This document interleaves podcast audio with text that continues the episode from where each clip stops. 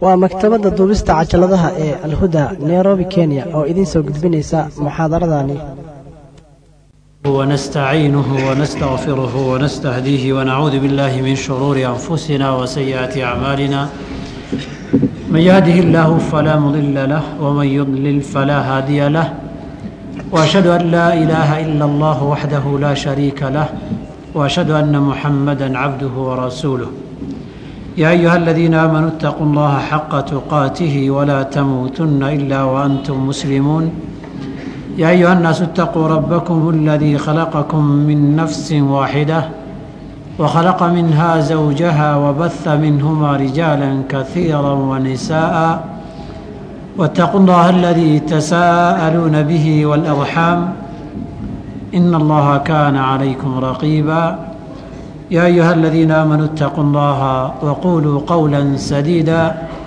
يصلح لكم أعمالكم ويغفر لكم ذنوبكم ومن يطع الله ورسوله فقد فاز فوزا عظيما أما بعد فإن أصدق الحديث كتاب الله تعالى وخير الهدي هدي نبينا محمد صلى الله عليه وسلم بدعة وكل بدعة ضلالة وكل ضلالة في النار أجارني الله وإياكم من النار وما قرب إليها من قول وعمل إخوة الإسلام والإيمان waxaynu u ballansanayn inaan fadhiyo dhowra ku qaadanno kitaabka la yidhahda alfuyuudaat alrabbaaniya fi lma'aahiri waalawraadi alqaadiriya ama soomaalida ay u taqaano manaaqibka loo yaqaano ama arbacada la akhriyee nafacana allaahu bihi la yidhaahdo haddaba kitaabkani waa xasiila iyo miro camal iyo madaahib muddo dheer soo socotay. Saas darteed baa waxaa ii muuqatay inay lama huraan tahay anoon hoos ugu dheeraanin. In fikirka uu xambaarsan yahay ee la yidhahdaa fikriga suufiga ama tasawufka la yidhaahdo aan si koob kooban masaa'il dhowra uga dulmaro in sha allahu tacaala waxaan rabaa laakiin inaan idhaahdo intaanan mowduucayga hoos u gelin dhowr arrimood inaan ku baraarujiyo dadka. Marka koowaad mowduuc iyo kitaabka aan ka hadlayna hadafka iyo ujeeddadu ma aha. Qofna in wax loo dhimo ma aha ujeeddada iyo hadafku. Hadafka iyo ujeeddadu waxaa weeye in wixii xaq iyo sharciga la caddeeyo wixii kitaabka iyo sunnadu yidhaahdeen la qeexo wixii qaladee khilaafsanna farta lagu fiiqo. Qof shaksi oo gaarana ulama jeedno. Koox gaarana ulama jeedno. Waxaan ka hadlaynaa fikir iyo mabda iyo madhab iyo dariiq la marayoo usuul iyo muctaqadaad leh. Usuushiiyo muctaqadaadkiina kitaabkan aan ka hadlaynaayo waa kitaab ka mida ususteedii innaga mujtamac ahaan marka la yidhaahdo. Laakiin qof shaksi oo hebeloon ula jeednana ma laha koox gaaroo meel hebla joogtana ujeeddadu ma aha asalkuna. Laga yaabo qofku inuu dhibsada xaqa caddayntiisa oo ambiyadaba marka la soo diray towxiidka markay caddaynayaan inbaa dhibsanaysa oo u arkaysay towxiidkan la caddaynaya inuu iyaga waxyeello ku yahay. In markii la yidhaahdo ilaahay keliya caabuda aabbayowgooda asnaam caabudi jiray la caayay u arki jiray. Taasi waa qadiyad kale laakiin waxa aan ka hadlaynaay qolyo xero gaara joogana ma aha qolyo magac gaara lehna ma aha waxaan ka hadlaynaa kitaab iyo fikir iyo mabda uu xambaarsan yahay oo aanu keligii ku hayn. Saas darteed yaan loo qaadanin qof gaara in loo jeedo. Ninbaa waxau dhihi jiray waxaa la yidhaahdaa iyaaka acni wasmaci ya jaara. Anuu adaan kula hadlayaa hadalkaygana qof kale u socdaa. Macnaheedu waxaa markaasoo kale looga jeedaa anuu haddaan adiga kugu halqabsado adiga ujeeddadaydu ma ahane eraygaygiiya waxaan ka hadlayo cidday taabanaysoo dhan baan waxaan kala hadlayaa. Sharcigeennuna asaas waxaa u ah annusxu fi ddiini xadiidkii tamiimi daarina waa taqaanaan ee nabigu calayhi salaatu wasalaam uu adigu dhiirigeliyey addiinu nasiixa addiinu nasiixa addiinu nasiixa. Diintu waa in xaqa la ysu sheego xumahana la yska reebo. Si daacadnimo ana wax la ysugu sheego. Yay u tahay haddii la yidhina allahna nasiixiya daacad bay u tahayoo xaqiis iyaan cid kale laga siin. Waxaanu ahayna yaan lagu sheegin weeye cibaadadii iyo xaqu addoommada ku lahaana isaga ha u gutaan oo keligii ha caabudaan. Rasuulkana nasiixay diintu u tahayoo risaaladiisana ha la rumeeyo dariiqiisana ha la raaco sharcigiisina ha lagu dhaqmo weeye madaxda muslimiintaana waxay u tahay nasiixo wixii dulmigana way ka reebtaa dadkana waxay amartaa xaqooda iyo daacadooda in la ilaaliyo. Caamatulmuslimiina nasiixay u tahay oo xaqoodana way bartaa xumahana way uga digtaa. Saa darteed diinta islaamku addiinu nasiixa baa waxaa ka mida inay waajibka sharcigaa yahay qofku wixii qalad diineed ee uu arko ee ummadda luminaya inuu diin ahaan ugu sheego dad iyo magacyadood in la caayo hebel tuug buu ahaa la yidhaahdase meesha kuma jirto.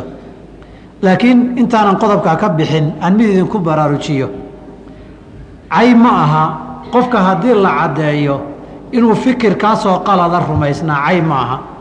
Ee waa caddaynaya nasiixa. Isagii hadduu nool yahayna nasiixay u tahay haddii uu tegeyna ciddii warkii daba taagan bay nasiixo u tahay. Cay waxaa la yidhaahdaa tuug buu ahaa iyo khaayin buu ahaa iyo meeluhu ordi jiray iyo kabacadduu ahaa iyo waxaasaa caytan la yidhaahdaa. Caytan ma aha in qofka inuu qaldan yahay la sheego. Qur'aankuna ilahi subxaana wa tacaala in badan oo dad qaldan inuu ka sheekeeyey waa ogtihiin qodobka intaadan kaga baxo qodobka labaad aan raba inaan caddeeyo waxaa weeye. Waxa aan ka hadli doono ashkhaas ma xukumayo. Koox iyo daa'ifo mucayan ana ma xukumaya gaal iyo muslim waxay yihiin. Waxaan xukumayaa erayada iyo aqwaasha iyo mabaadi'da iyo caqaa'idka iyo ariiqadii iyo qaabka wax loo jideeyey baan qaladkeeda caddaynayaa diinta islaamku waxay ka qabtana sheegayaa laakiin anigu dadka fikirka rumaysani ama ku dhaqmayaayo waxaa laga yaabaa inay ilahay agtiisa cudurdaar ku leeyihiinoo ashkhaas iyo acyaan anu ma xukumayo. Shariicadeennana waa taqaanaan caqiidada ahlusunna waljamaaca inay tahay in la kala qaado qowlka iyo qaa'ilka erayga iyo ninka yidhi. Eraygu isagoo qalada buu qofku cudurdaar yeelan karaa. Falka iyo cidda samaysayna way kala bixi karaanoo qofku inuu xumo sameeyo laakiin aanu ogeyn baa dhici karta. Saas darteed xumihii waa xumo isaga laakiin xukunkeedii inuusan qaadan baa dhici karta cudurdaar leeyahay. Walidaalika waxa aan ka sheekayn doono ama aan ka hadli doono kulamadeenna iyo fadhiyada dhowrka habeen ee soo socdaay ha u qaadaninayaan la moodin. Inaan anigu xukumayo koox kasta ama kitaabkaa wadata ama fikirkaa rumaysan. Laakiin waxaan xukumayaa kitaabka laftiisa iyo fikirka laftiisa. Erayga iyo ficilkaan xukumayaa. Saas darteed ba waxaa idin xasuusinaya nabiga calayh isalaatu wasalaam niman saxaabo ah ku yidhi geedkan geedaan barakaysanna nooga dhig si ay gaaladu geed ay barakaystaan u leeyihiin. Iyagii kuma dhihin gaalaad tihiin. Laakiin wuxuu yidhi ereygiinna waa ereygii reer bani israa'iil oo kale ijcal lanaa ilaahan kamaa lahum aaliha laakiin idinka jaahiliin baat innakum qowmun tajhaluun walaakinakum qowmun tajhaluun ereygiinnu wuxuu ka dhigan yahay kii reer bani israa'iil ilaah noo samee kale wey. Ilaah kale noo samee xukunkoodu muxuu yahay. Waa erey kufri oo kelimatu kufrina wey laakiin iyagii maadaama ay cudurdaar jahli lahaayeen iyagii gaalaad ma dhihin. Min haadalbaabi markaan idhaahda mabda'aasi waa khalad. Waxaa meeshaa ku qoranna waa kufri idinma dhihin. Qolyaha qaadqaada ama waxaan akhriyaa gaala idinma dhihin. Arrintaa ayaanay idiin hoosgelin warkaygana ayaan saa loo qaadanin. Qowlka iyo ficilkaan xukumayaaye qaa'ilka iyo faacilka ma xukumayo taasi qofkii tacyiin marka la soo gaaro xaqii marka loo caddeeye qofka xujada lagu oogo baa xugun shaksi a la saaraa.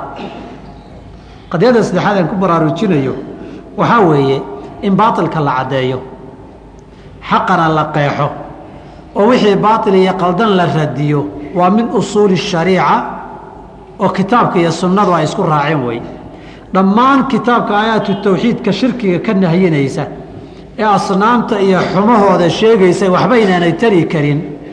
Waa baatil bay radiyeysaa qabaa'il taagnaa dawaa'if taagnaa mabaadi' jiray iyo caqaa'id jiray bay baatilnimadooda caddaynaysaa.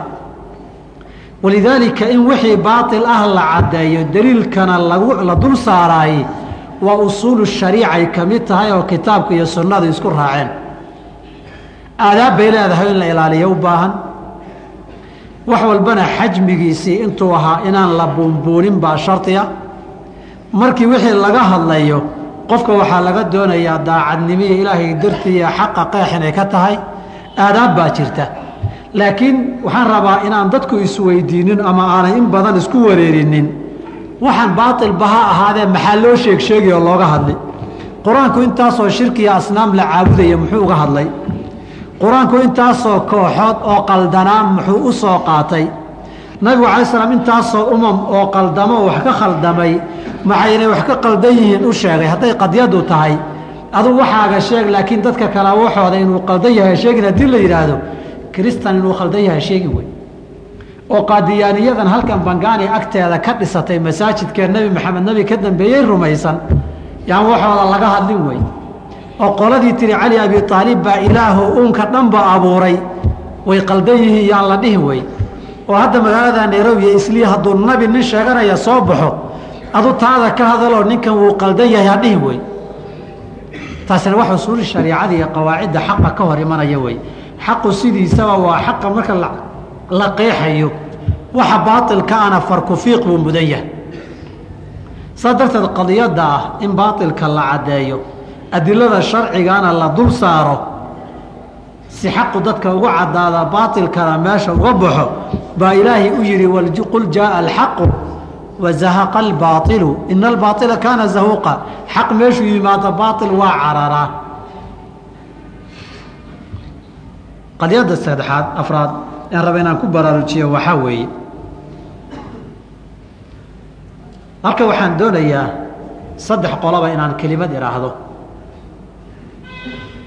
kelimad waxaan rabaa inaan dhaho culimmada sunnada iyo ducaadda xaqa iyo khayrka. Ereyna waxaan rabaa inaan idhaahdo ummadda iyo shacabka muslimiinta ahee soomaaliyeed ee waxa aan ka hadli doona lagu dhex baafiyey. Fariinta saddexaadna waxaan rabaa inaan u diro nimanka waxaan rumaysan ee waxa aan ka hadli doono xaqa u haysta. Culimmada iyo ducaadda soomaaliyeed fariintaan u diraya waxaa weeye xaqa qeexitaankiisu kollaba in buu xanuujin. Hadalla lama waayo hunu hununa ma dhammaato.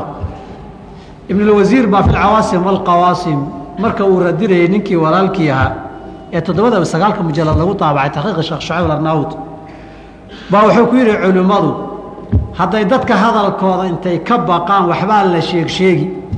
Ay xaqii ka leexdaan lakaanuu khaafuu xaqiiran wa adaacuu kaiiran xaq badanna waa lumi lahaa. Waxaan waxba ahaynna waa laga baqay. Marka waxaan ugu yeerayaa dhammaan culimmadu baatilka iyo madaahibtiisa magacuu dooni ha wato. Muuqaalkuu doonina ha lahaadee si cadli iyo daliil iyo xujiya sharci leh inay xaqana u caddeeyaan baatilkana u radiyaan. Baabkan iyo wixii la mid ahna qiila waqaala iyo cid baa hadal dhihi aan looga hibaysan oon looga gaban. In la noqdo dadki ilaahay uu ku tilmaamay inayna ilaahay dartii cabsi qabanin. Aan waxba aanay ka cabsanaynin. Ee nabigu calayhi salaatu wasalaam uu yidhi haddaydaan idinku dadaalin oodan toosnaanin ilaahay waa idin halaagayaa wuxuuna idinku bedelanayaa dad uu ku tilmaamay tilmaamahooda ka mid ahayd laa yakhaafuuna fi llaahi lowmata laa'im haddii aan la helin dad xaqa caddeeya oo aan wax kalaba xeerinin xikmadda sharcigu faray maahane ummaddiiyo dadweynuhu kelimadda xaqa a gaari mayso baatilkuna wuu fidi. Farina mujtamaca soomaaliyeed baan rabaa inaan idhaahdo walow fasaadu zamaan la isaga jiro dad muslimiina weeye oo islaamka guud ahaan jecel. Jahligu dhib badan buu keensadaa ahwaadii iyo xiisaduhuna qalad badan waa geliyaan laakiin guud ahaan waa dad muslim oo kooda faasiqa ahba. Ama xataa shirkiyaadka ku jiraba muslin ma tihid iyo gaal baa tahay uu ka dagaalamo weeye niman baa laga sheegaya aan soomaali ahayn oon muslin ahayn soomaalidu muslin mahee waardiyay ka yihiin. Iyagiina kuma dhaqmaan haddaad wax ka sheegtana lafahagay kuu dilayaan. Sida ninka waardiyaheen guriga xoolaha ku jira waxba ku lahayn laakiin haddaad u dhac tiraadood inaad farataysa aad dabcda lafaha kuu dilaya. Taa wuxuu la cabirayaa isagoo xataa aan diin ahaan ugu dhaqmaynin baa inuu wax u dilo ugu dhinta uu diyaaru yahay. Waxaa labooday dadka soomaalida ay ka mid yihiin muslimiinta aalu beytkooda jecel. Akhyaarta iyo saalixiinta iyo awliyada ilaahayna jecel. Hase ahaatee markii jahligu batay qiirada iyo niyada wanaagsanna aada yeelateen baa waxaan jirin diin laydinka dhigay oo wax baatilana xaq laydinku ekaysiiyey maadaama aydan kala garanayn. Dadku carabi ma yaqaanaano waa cajab. Waxaan loo laqbaynin oon loo macnaynin baa loo akhriyaayoo la xifdisiiyaa ninkii su'aal keenana qalbigaaga ilaashaa la yidhaahdaa. Xataa hadday wax isweydiiyaan waa la handaday oo waa la cabsiiyey. Iyagoo ka baqaya iimaankoodii iyo islaamnimadoodii inay wax dhimanto oo islaamnimada iyo tawxiidka adkaystoo ku dadaala leh baa waxaan diin iyo islaam ahayn baa diin looga dhigo hoosta laga geliyey. Haddana carabi buu ahaayee looma fasirine duuduubkaa ku liqaa la yidhi milo barda duuduub baa lagu liqaaye. Say duuduubkii ugu liqeen bay in badan ku maqan tahay. Laakiin markii wax gudaha wax loo galo ee la idiin macneeyo carabigan meesha ku qoran muxuu yahay baa waxaad noqon doontaan sidii carabigii hore u yidhi idan jala lgubaaru satadri ataxtaka farasun am ximaaru. Dagaalka boolka kacaya markuu kala dego. Baad ogaan doontaa waxaad saaran tahay ma dameer baa mise waa faras. Markii waxaan laydiin laqbeeyo baad ogaan doontaan waxaad liqdeen ma xaq buu ahaa mise baail buu ahaa. Saas darteed khafladu jahligu waa waxa sababta ugu ah dadka shirki badan in la geliyo oo wax ilaahay ka fogeynaya ugu dhowaada la yidhaahdo oo wax lagu gaaloobay islaamnimo loo tuso oo shirkigii tawxiid looga dhigo waa labada arrimood jacaylkii iyo niyad samaantii. Oo ku lamaanaa jahligii iyo waxaan inaan cilmina la garanaynin carabina la aqoonin baa la idinka faa'iidaystay. Soomaya arag dadku khayrka markay jecel yihiin? Hadday jahli iyo aqoon la'aani jirto qaladaadka iyo qalloocu waa bataa mujtamacannan soomaalida iyo muslimiintuba guud ahaan dadka waxay ugu jecel yihiin aalu beyti nabiyi sala allahu calayh alih wasalam walidaalika markii mujtamacii reer reer la yidhaahdo reerka dadkeennu ay wada qadariyaan qofnana aan xumo u quurin waa ciddii qoyska aalubeytka iyo sheegatiya asharaarta sheegata.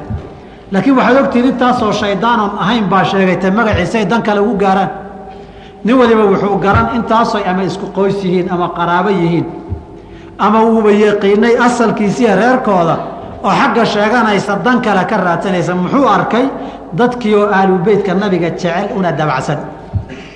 Isagana dan kaluu lahaayee markaasuu dariiqaa ka soo galay. Markii laydin arkay diintii inaad jeceshiin oydaan aqoonin baa la idinka soo galay ee jacaylka diinta wada laakiin ceebtu jahliga weeye xaqa iyo diinta ha la barto kitaabka iyo sunnadana ha loo soo noqdo. Masalada saddexaad dadka fikirka iyo kitaabkan aan ka hadli doona rumaysan baan fariintan u diri. Anuu insha allahu tacaala ajal iyo cimri hadday igu sinto oo ilaahay yidhaahdo kitaabka waan ka hadli doonaa. Kitaabka markaan gudihiisa galo afka wax kama sheegi doonee kitaabkan miiska keeni doonaa. Wixii aan ku qaldama waad igu qabsan kartaan. Waxa aan ku qoreenaan akhriyana kuma qora waad dhihi kartaan. Wixii xaqee ku qoranee waa baatil aan idhaahdana daliilkiisii xaqa waad keeni kartaan. Gadaal lagama hadhadlo. Bannaanka luqyada ana war lalama wareego.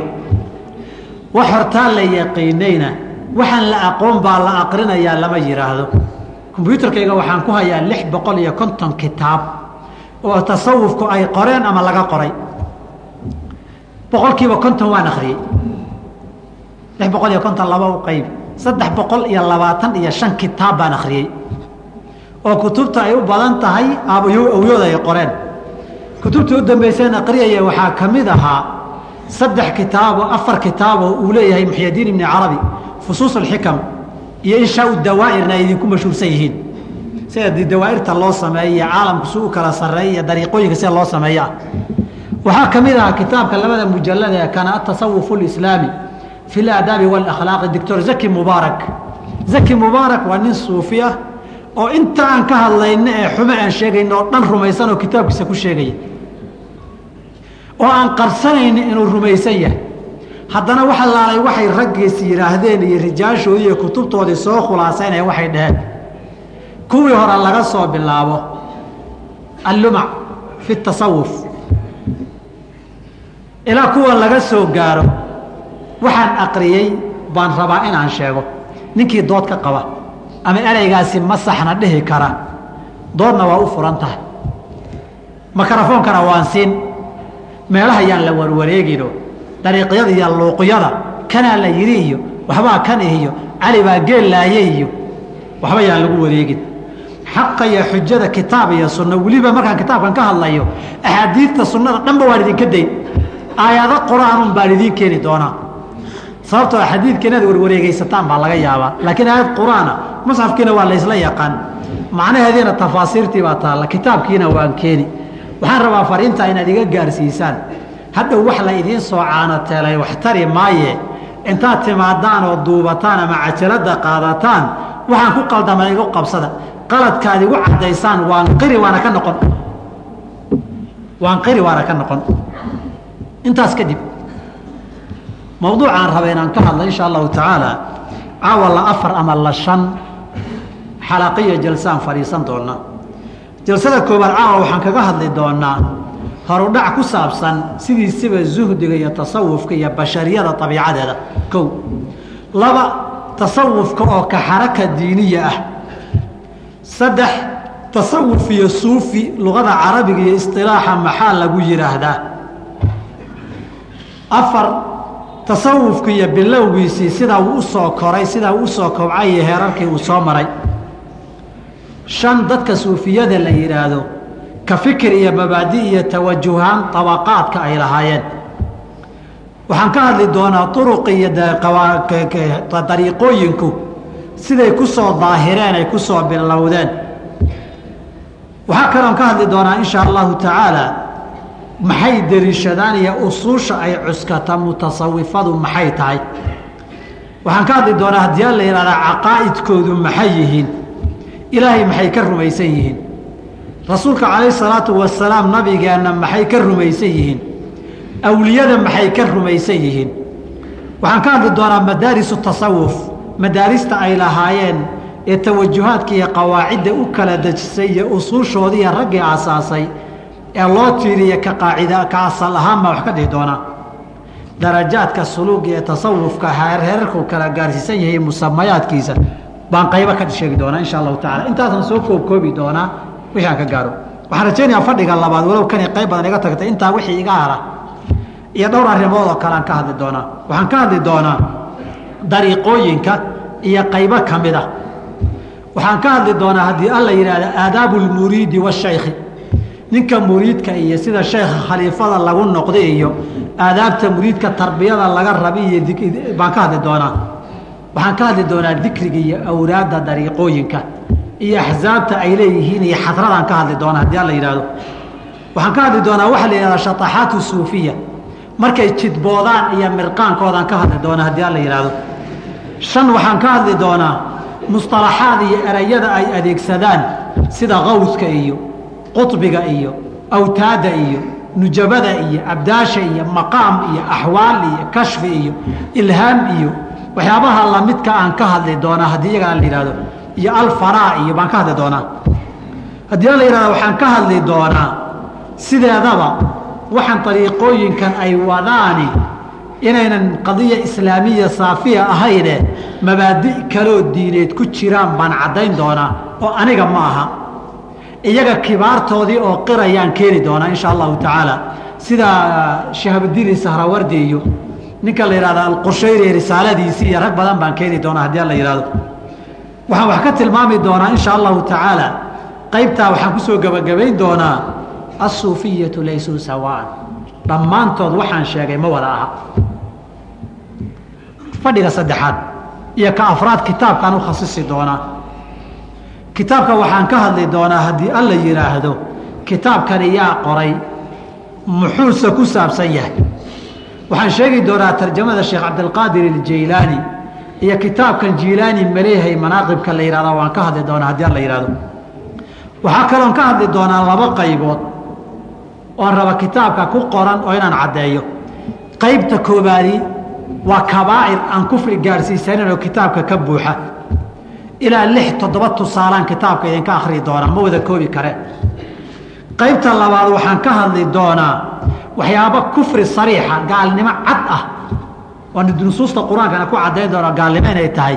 Laakiin aan gaarsiisanayn ilaahnimo in la sheegtay. Fadhiga ugu dambeeya saddex qodob baan ku soo qaadi doonaa haddii alla yidhaahdo.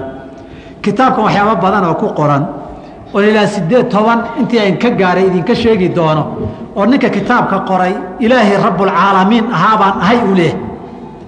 Baan idiin keeni doonaa. Minhaaj lama hor ordee halkaa igu sugan waxaa kaloo caddayn doonaa waxaan oo dhan maxaa sababay oo keenay? Muxuuse yahay fikirka kitaabkani ku salaysan yahay oo halka uu abshir bacadla yidhi baabkayna lama geli karo baxar buxuur waaye. Baxar buxuurkaasaan ka hadli doonaa haddii alla yidhaahdo waxaan ku gebagabayn doonaa khitaamun wa tawsiyaat. Markii isha afartaa fadhi haddaan ku dhammeeyo habeenka shanaad baan su'aalaha ogolahay inta kale waktiga su'aalo ma bixinayo waayo waktiguna waa igu yaryahay maadaduna way igu badan tahay. Ayib waxaan u soo gudbayaa haddaba qodobadii aan rabay inaan ka hadlo. Qodobka koobaadi sideedaba insaanka basharigiihi wuxuu leeyahay abiica bashariyi oo maadada iyo nolosha iyo xayaatada aada isu raaciso oo amaceeda iyo maladaadkeeda iyo macmacaankeeda aada u higsata walidaalika kutubta ilaahay soo dejiyeen nusuusta sharciga ee waxyigu bini aadamka kuma dhiirigeliso adduunyada raacraacoo xoolo samayso oo tabco oo ku dadaal uma dhiirigeliyo inta badan sida loogu dhiirigelinayo aakhare u shaqayso adduunyaha israacinin oo ididilada badan iska daa tani biabcihi buu ku raacraaci waana halkii aadam laga raacaye isagoo jannada la geeyey ibliis ka soo galay. Xoolo badanna waad yeelan cimrigana waad noolaanoo waad waari baa laga soo galay. Hal adulluka calaa shajarati اlkhuldi wa mulki laa yabla waa abiica bashariya.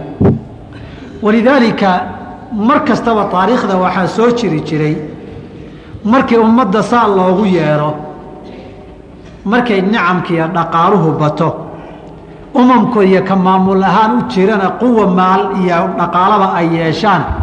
Dadku dhaqaalaha iyo xoolaha aada loogu fakadaayo wannaasu xayu yakuunu ljaahu walmaalu wey meeshii jago iyo xoolo lagu sheego unbay dadku kaa jiraan. Mar kasta waxaa garab socon jirtay. Dadka qayb ka mida inay dadaalaan oy dhahaan naftiinna ka xakameeya adduunyado nafta nolosha ku ciriiriyo nafta tarbiyeeya. Tarbiyat larwaax ruuxda ha la tarbiyeeyo maqaamaad saroo rabbigeed ku xihan tahay ha la geeyo. Raacitaankan la raacaya waxyaabahan kalena adduunyadan iyo bifiirsigeedana ha la yska daayo. Taasi waa taariikhda bashariyada wakti dheer bay soo jirtay.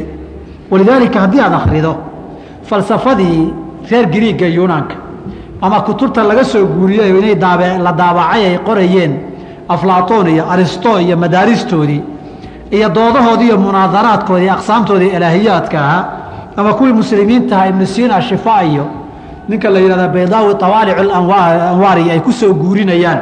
Haddii aad akhrido in badan waxaa laga hadlayaa taqdiisu ruuxi ruuxdii in la tahiraa laga hadlayaa. Qadiyadaasi waxay soo jiri jirtay oy ka mabaadi noqotay. Intaanu waan akhriyay aqdam shayin fi taariikh. Ka mabda iyo fikrad ay noqotay fikirkii ka la dhihi jiray alfikr alkhanuusi fikr alkhanuusi kelimatu lkhanuus waa kelimad griig asalkeedu yahay oo uga jeeda bimacna alxikmana way ku fasireen bimacnaa tasfiyatu ruuxi naftoo la tasfiyeeyo la tasgeeyana way ku fasireen. Fikru lkhanuusi ilaa iyo hadda imtidaad buu leeyahayo rag asaatido oo dakaatiro oo waxaa jira rumaysan fikirkii khanuusigo ilaa iyo hadda kitaabaad ka qoro internetka websaytya ku leba naftan bashariga ah dunidan la keenay waa laba qaybood jismi iyo ruux jismiguna wuxuu iishaa dunida. Ruuxduna waxay u baahan tahay in la sifeeyo oo jismiga ay ka xoog badnaato. Marka ay ka xoog badnaatona taraqii maqaamaad bay samaysaa. Maqaamaadkaa waxaa lagu gaarsiiyaa mujaahadaad iyo riyaadiyaat waxa la yidhaahdo in naftii la tarbiyeeyo cuntada lagu yareeyo cabitaanka lagu yareeyo hurdada lagu yareeyo dadka laga gooyo duurka la geliyo mujaahadaadka iyo riyaadiyaadka lagu tarbiyeynaya taraqiga ruuxa waxay gaarsiinayaan iyagu ilaah ma rumaysnee. Sumuwigeediiyo kor noqoshadeeda aflaagta sare inay la shaqaysay gaarsiinaysaa. Saa darteed jismiguna yakhladu yakhludu ila alardi dhulku rabaa ruuxduna culuwi iyo samaa bay rabtaa. Naftu waxay ku adkaan kartaa jismigu wuxuu rabay in lala dagaalamo. Saa darteed naftii lagu tarbiyeeya gaajo iyo soo jeed badan oon iyo rafaad badan naftii in kibirka iyo wixii adduunyada mataamiceedahayd iyo xoolaha laga ilaaliyo haweenka iyo ilmaha laga ilaaliyo suuqa iyo magaalada laga ilaaliyo waa fikirkii qanuusiga ahaa. Xataa haddaad rabtaan hadda weebkan loo sameeyey afkaarta iyo mabaadiida in la qeexo la yihaahdo wikipedia la yihaahdo tacriifkeeda waa gudkaysa alqanuusiya haddaad qortaan. Fikirkaasi wuxuu ka jiri jiray oo saldhigiisa u ahaa ugu badnaa masar buu ahaa. Waana fikiray rumaysnaayeen nimankii qibطiyiinta ahaa ee fircawn uu ka soo jeeday.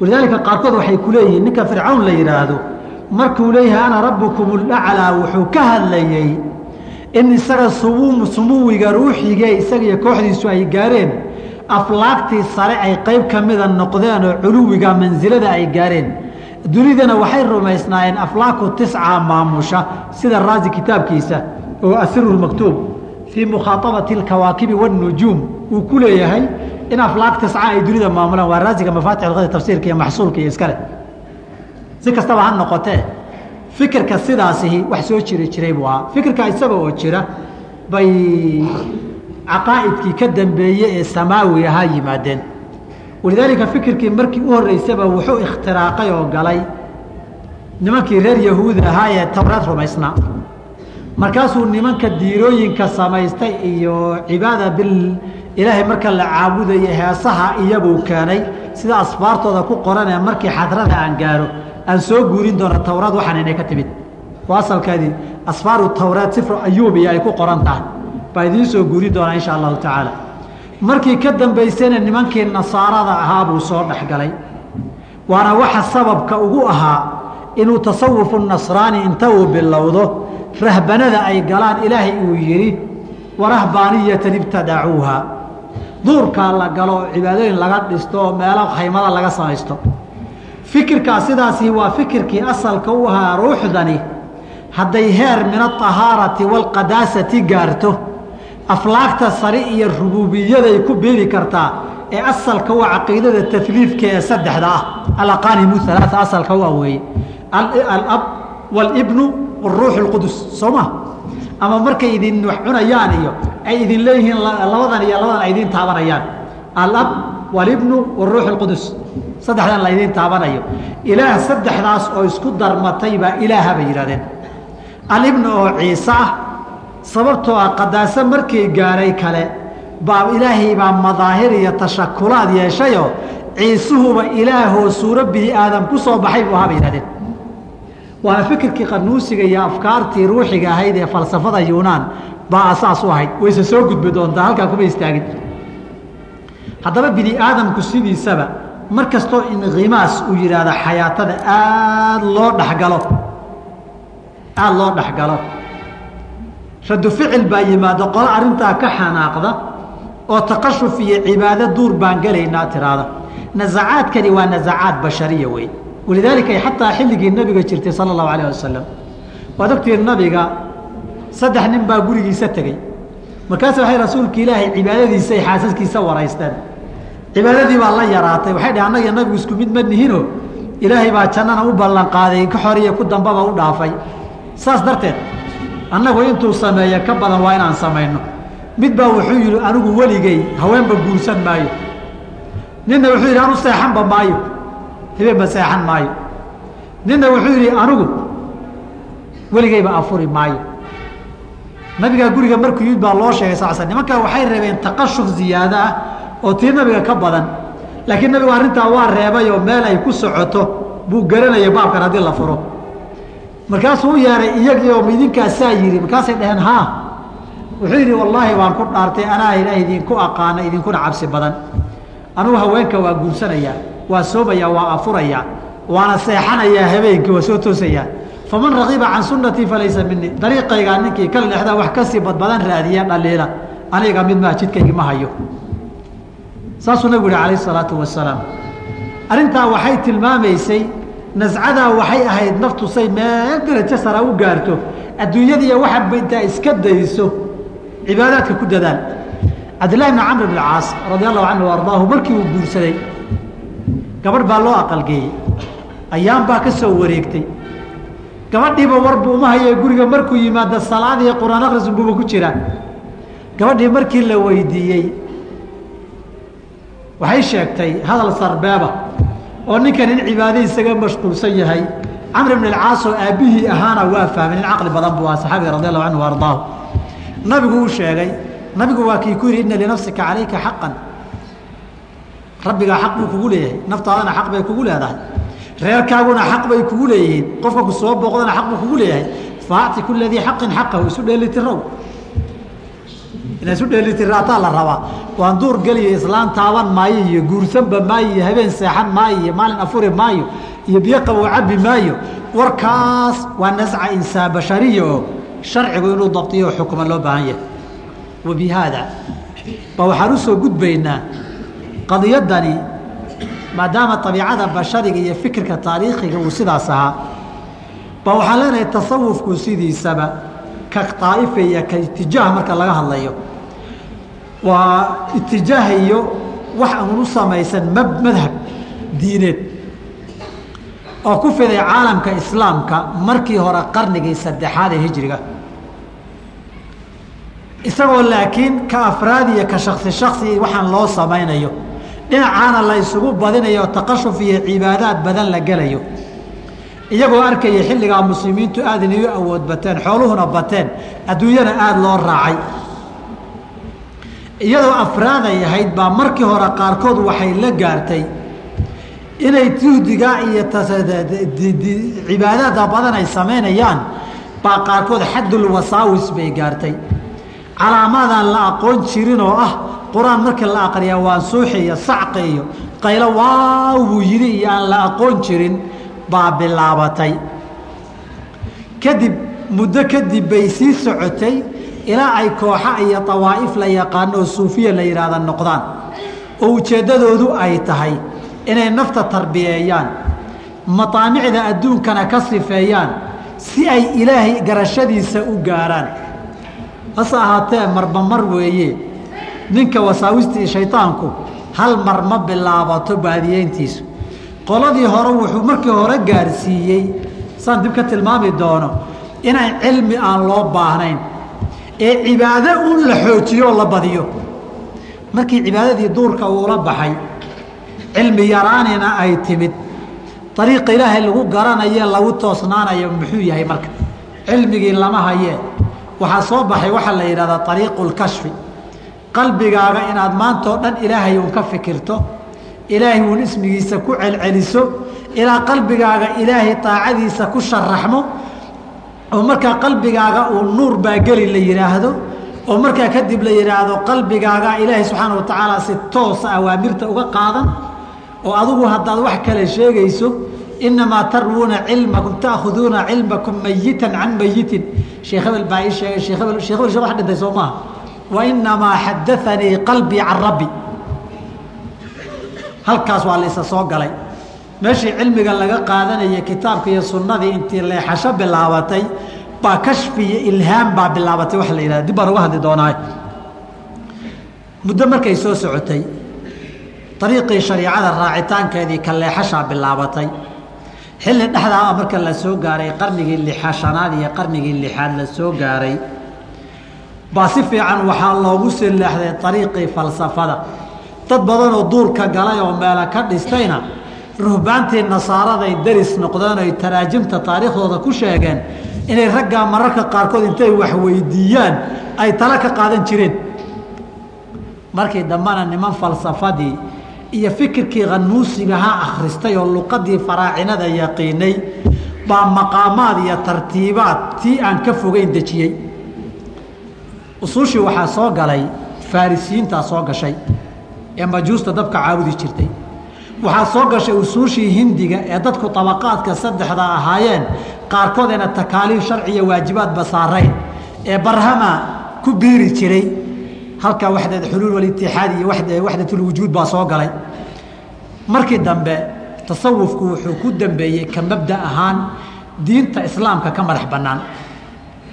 Ereyga aan idhi inaan idhi waa garanayaa dibna waan ka caddayn doonaayo anaa idin taabsiin doona markaan idiin keeno iyagoo leh fircawn ahlu jannu ahaa. Ana rabbukumulacalaadii uu yirina xaq bay ahayd runtii bay ahayd.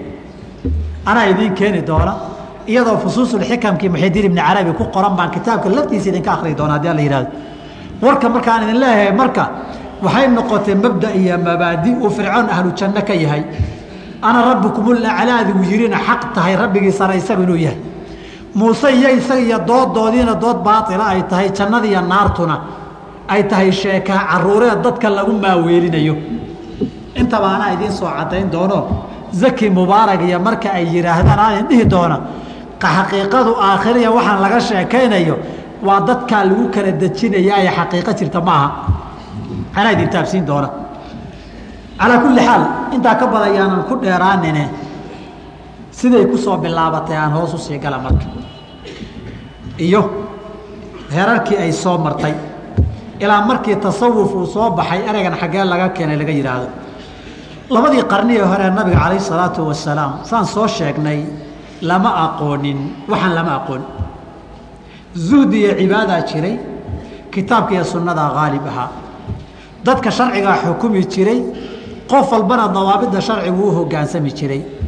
Ummaddu cilmigay qadarin jirtay cibaado aan cilmi lahaynna nabigaaba caayay calayhi salaatu wasalaam ninku waxbuu baranayaayo uu iska cibaadaystayna laba siman ma ahoo cilmigaa fadli badan oo nabigaaba yidhi wa fadlu lcaabid caalimi cala alcaabidi. Ka fadli lilqamari leylata albadri calaa saa'iri اlkawaakibi dayax afar iyo toban jooga iyo xidigaha kale ma isku midba saasay u kala qiimo badan yihiin nin diinta yaqaaniyo nin aqoono waan cibaadaysan leh. Laba laasima maaha. Kii liitay baa rag doorteen dadka magacyaa la lahaan jiray muslimiin iyo mu'miniin iyo badriyiin iyo saxaabi iyo taabiciyiin iyo magacyadaasaa la yaqiinay. Cibaadadan aadka laysaga badinayeen cilmigu la soconina lama aqoonin. Laakiin afraad iyo shakhsiyaad sameeyaay waa iska jiri jireen. Ummad duni ballaaran oo china xuduudkeeda joogta oo andalas joogto oo sbain iyo burtuqiis ay soo hoos galaan ama ay soo hoosgeli doonaan oo ku dhawo maqrib alcarabi gaartay oo jasiiradda carabta joogta oo eshiya dhex qaaday. Intaa de ila eg dad shakhsiyaadahoo si qalada u cibaadaysanaya ama sidii habbooneed ka leexanayahay cidima tira koobi kartoo bug iyo qalin lama daba socoto. Nasacaad fardiyaa iska jire marka.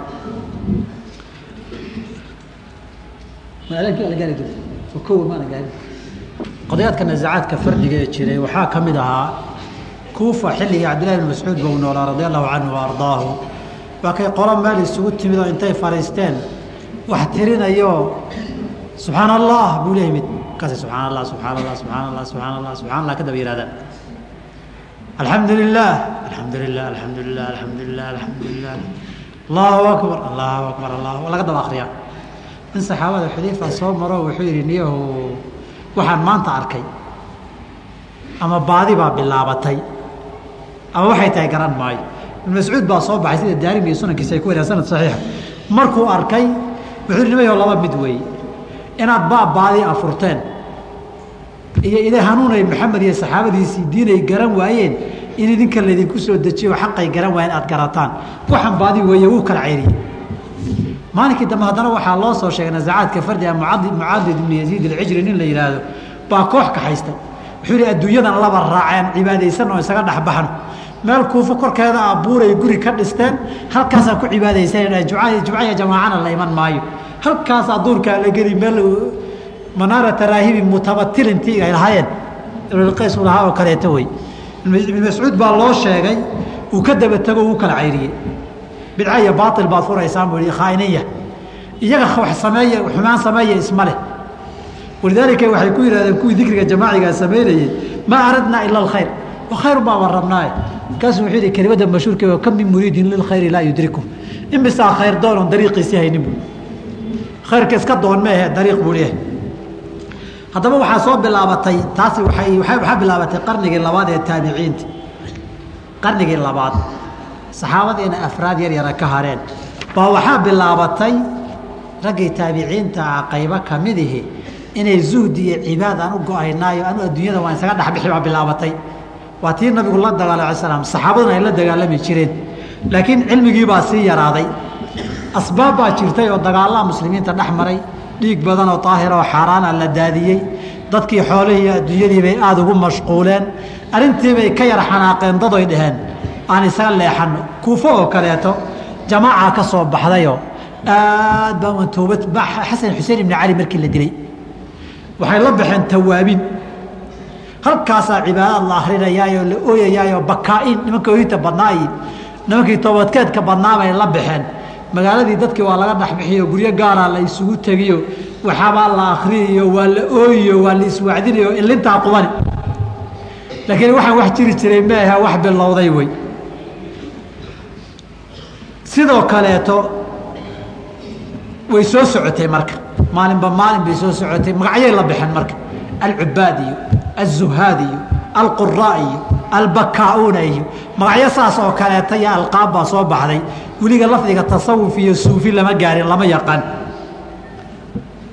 saa darteed dariiqa leexashadu mar kastoo la lumayo hal mar boqol kiiba boqol kuma bilowdo in yar buu ku bilowdaa kadibna wuu kobcaa jidkuna waa sii weynaadaa tartiib tartiib bay duruqdu u badataa raggii hore zuhaadda ahaa qaarkoodna cilmi bay lahaayeen qaarna aqoon cilmiyoo badan ma lahayn. Rag badanoo mashhuuraa jirayoo waxaa ka mid ah ibraahim bin adham iyo malik ibni dinaar iyo bishir alxaafi iyo raabicat alcadawiya iyo rag badanoo ka mid ah cabdilwaaxid bin zayd oo ardayda xasan albasri ka mid ahaa iyo dadkaasi waxay bilaabeen nafta la cadaabo cuntada lagu yareeyo hurdada lagu yareeyo hilb hilibka layska daayo hilibka way ku cayili layska xaaraantinimeeyo duurka iyo banaanka la wareego guurka la iska daayo ilaa maalik ibni dinaar laga sheego laa yablugu rajulu mansilata asidiiqiina xataa yatruka zawjatahu kaanahaa armala. Ninku darajo sare ma gaadho ilaa islaantiisii uu la joogay garoob camal islaan laga dhinto agoona ay noqoto. Oosan danba ka lahayn. Wayawiya ilaa masaabili lkilaabi oo guriga intuu isaga tago meelaha ayda la seexdo. Si uu nafta u xaqiro waxaasaa bilowday oo kuwa nabigu la dagaalamaya alay slam waa tasawaju nisaadi faman ragiba can sunnatii falaysa minii baa bilaabatay. Wax kitaaba ma laha wax sunno oo lagaga dayanayo ma laha. Walidaalika markaad taraajimta akhrida raabica alcadawiya iyo maalik ibni dinaar iyo ibraahim ibni adham iyo bishr alxaafi iyo cabdilwaaxid ibni zayd iyo markaad akrido maqaalaad iyo erayo iyo alfaad badana waxaad arkaysaa si cad nusuusta shareecada uga hor imanaysa. Suluuga guud ay lahaayeen cibaado inay badiyaan waa khayr. Laakiin qaabka ay u badiyeen iyo qaabka ruhbaaniyada ay bilaabeen hadyigii sunna kitaabka iyo sunnada ma ahayn. Nabiga sal slam walidaalika ajilaau taabiciin ajilaau aima waxaasoo kale ma samayn jirin. Kadib ninkii raggii uu kala cayriyey ibnu mascuud ee mucadi ibn yaziid alcijli iyo ibnu mascuud markuu dhintay waxaana bilowday. Duurkoodii bay camirteen. Guryahoodii bayna mar kale boorka ka jafeen. Masaajidda intii laga tago mawlacyo in laga cibaadaysto jumcada iyo jamaacada laga tago ama marmar la yimaadaa bilaabatay mudday iska soo socotay. Qaarkood baa waxaa laga hayaa erayo aan habboonayn sida raabica alcadawiya oo kaleeto. Erayo kelimaad dhib badan bay leedahay oo masaaligta iyo ta'wiilaadka sharciga aan masaaq loo helaynin. Alcishqu alilaahiya walxub ilaahi baan ka hadlay marka ay leedahay erayo badan oon habboonayn bay leedahay. Taraajimteedana abu nucaym fi lxilya iyo ibnu casaakir fii taariikhi dimishqi ay ku soo guurinayaan bay leeyihiin. Calaa kulli xaal waxba tafaasiishooda hoos u geli maaya ninkii faahfaahintooda raba waa dad tegaye taraajimtoodii culimadu waxay ka yidhahdaan bu-aadi. Xilligaas waxyaabo badan baa bilowday marka. Sidii cilmulkalaamku u galay ahlura'yiguna ay u bilowdeen baa tasawufkuna u bilowday. Tasawufkuna wuxuu ka bilowday ciraaq. Ciraaqna waa laba qayboodoo ciraaq lcarab iyo ciraaq lcajam saas uma taqaanaan. Ciraaq lcajam qaybtan turkumaaniyiinta iyo akraada iyo qaybaha waxaa la yidhaha ciraaq lcajam qaybna ciraaq lcarab baa la yidhaahdaa. Dowladdii farisna saldhigeedii baa caasimadeeda ciraaq bay ahaan jirtay magaalada madain la yihahdo baa saldhigeeda ahaan jirtay guryaha dahabka ka dhisnaan jireen sacd ibn waqaas uu furay. Marka afkaartoodii baa ciraaq ku dambayso nabiguna fitanka xaggaasay ka iman doonaan waa kay ku tilmaamay sala allahu alayh ali wasalam markii ugu horreysay haddaba nin la yidhaahdo axmed ibni caliy alhujaymi oo labadii boqol hijradu markay ahayd dhintay ardadii xasan albasrina ahaa baa wuxuu dhistay meel buu dhistay gaaru ah. Oo uu fadhiisto ardadiisi iyo muriidiinta ugu yimaadaan. Halkaasaa qaarkood waxay yidhaahdaan aasaaska dariiqooyinkii ugu horreeyey halkaasuu ka soo askumay. Waana meeshii ugu horreysay islaamka dhexdiisa meel loo dhisay cibaado masaajidna ahayn cibaadana loo aadayo. Meel lagu soo cibaadaysanayo masaajid ahayn markii u horreysay bay ahayd. Xilligaa kadib baa waxaa soo baxay ereygaa tasawuf iyo suufi baa soo baxday. Waxayna ka soo baxday badanka la yidhahdo ciraaq bay ka soo baxday. Weliba magaalada kuufay ka bilaabatay oo ahayd marihii qeybta faris iyo ciraaqulcajamka ugu dhowaa waxaana xilligaas ka horreeyey oo dhacay xilliyadaas xilligii daartii falsafada griiga la tarjamee ma'muun bay ahayd ee daarulxikma uu bixiyey suluukiyaadkii ahlu kitaabka ee ruhbanada laga soo qaaday wixii baa la ysu keenay. Culimmadu marka waxay yidhahdeen suufi maxaa looga jeedaa? Qaar waxay yidhaahdeen horta suufi wax la baxa waxaa ugu horreeyey abu hashim ilkuufi abu hashim ilkuufi wuxuu deganaan jiray shaam. Shaam waxaa la yidhahdaa suuriya lubnaan iyo filistiin. Waxaana isku wakti ahaayeen sufyaan thawri jacfar saadiqna la wakti buu ahaa shiicada awaa'ilkeedii iyo qudaama shiicu ahaa dadkii aan aad quluwiga u samaynin buu ka mid ahaan jiray. Kutubta shiicada markaad akhrido waxay ku leeyihiin abu hashim ilkuufi huwa mukhtaricu suufiyati. Suufiyadaba ninka aasaasee bilaabay abu hashim ilkuufi weeye. Haddii awaa'ilu shiica haddii uu yahay mukhtaric suufiyana uu yahay inay ooli walaal yihiin inta waa ka aragtaan soo maa qaarkood waxay yidhaahdeen maya ninka u horreeye bilaabay wuxuu ahaa cabdak ninka la yidhahda ama cabdilkariim la yidhaahdo oo laba boqol iyo toban dhintay. Baa suufi wax la baxay u horreeyey xaari ilmuxaasibi oo mualifiinta suufiyada lagu xisaabo baa ninkaa ka sheekaynaya wuxuu leeyahay ninkaasi kaana min طaa'ifati nisfi shiiciyatin. طaa'ifo nusnus shiicuu ninkaasi ka yimid oo kuufo ka jirtay laakiin nin bidaca radin jira oo malti la yidhaahdo isaga wuxuu leeyahy zindiiqaan muslim ahayn buu ahaa. Ma ahayn leeyahy muslim ninkaasi. Oo adduunyadoo dhan waa xaaraam nimanka yidi buu ahaa. Wax la cunum wax kale ma banaano adduunyadana imaam caadila waxaanayna ma banaano waxaana wixii shiicada weeyuu leeyahay ibnu nadiim ninka la yihahda kitaabka fahrasad ka qoray isagu wuxuu leeyahy waa ra'yiga saddexaad inta anugu arkay. Jaabir ibni xayaan oo ardaygii jacfar asaadiqa laba boqol iyo sideediina dhintay baa waxaan bilaabo suufi waxa yidhahda ugu horreeyey. Waana min kibaari min kibaari shiicati buu ka mid yahay aimada shiicada kibaartooda ay ku daraan. Falaasifadana waxay yidhahdeen nin falsafi u ahaa.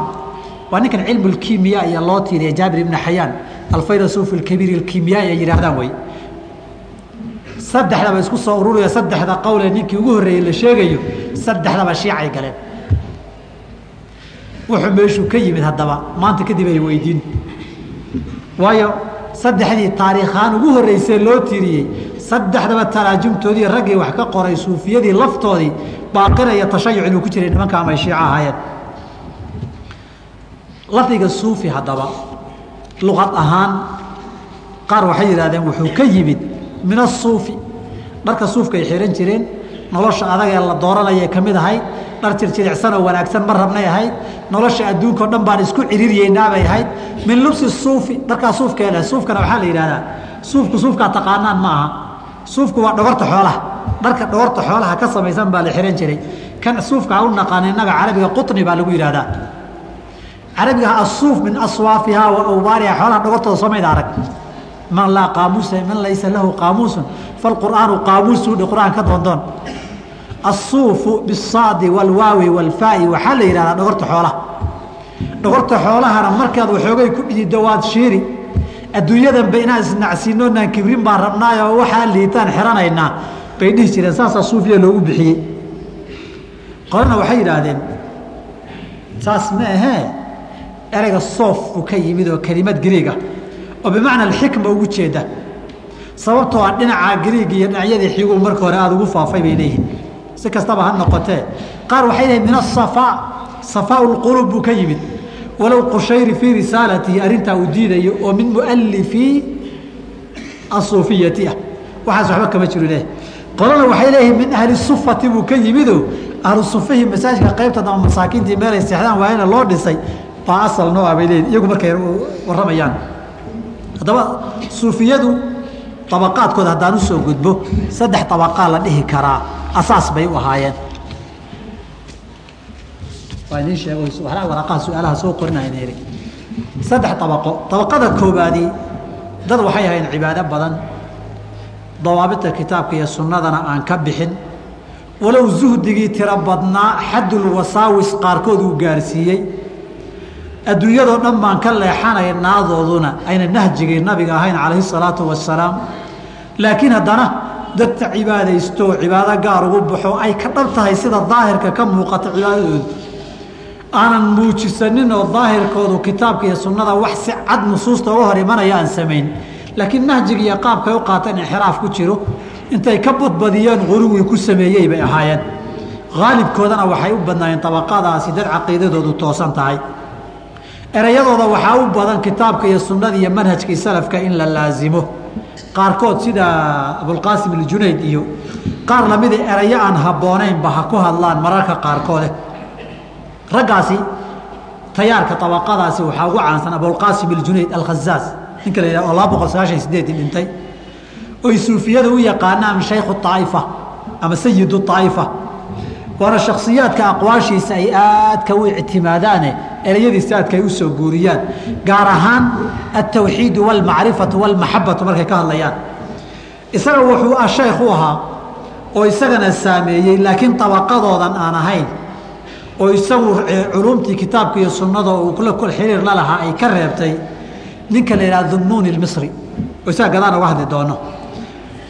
Marka dunnuun ilmisrina waxyaaba erayo aan fasiri doono asaxw iyo almaxw iyo ashaaxaatu iyo alfanaau iyo albaqaau iyo baa ku badnaa. Junayd wuxuu diidi jiray rag dabaqadooda aan ahayn laakiin la waqti ahaayoo dinnuun iyo rag lamida loo tiiriyo oo dhihi jiray takaaliiftu darajooyinka qaarkeed markaad gaarto takaaliiftu way kaa dhici oo waajibka kuma saara waxna xaaraan kaamaha arrinta erayadiisu aad bay ugu soo noqnoqotay inuu waxaas ka digayo. Laakiin tii baa markii dambe hirgeli doonta. Aad waxaa saamayn ugu lahaa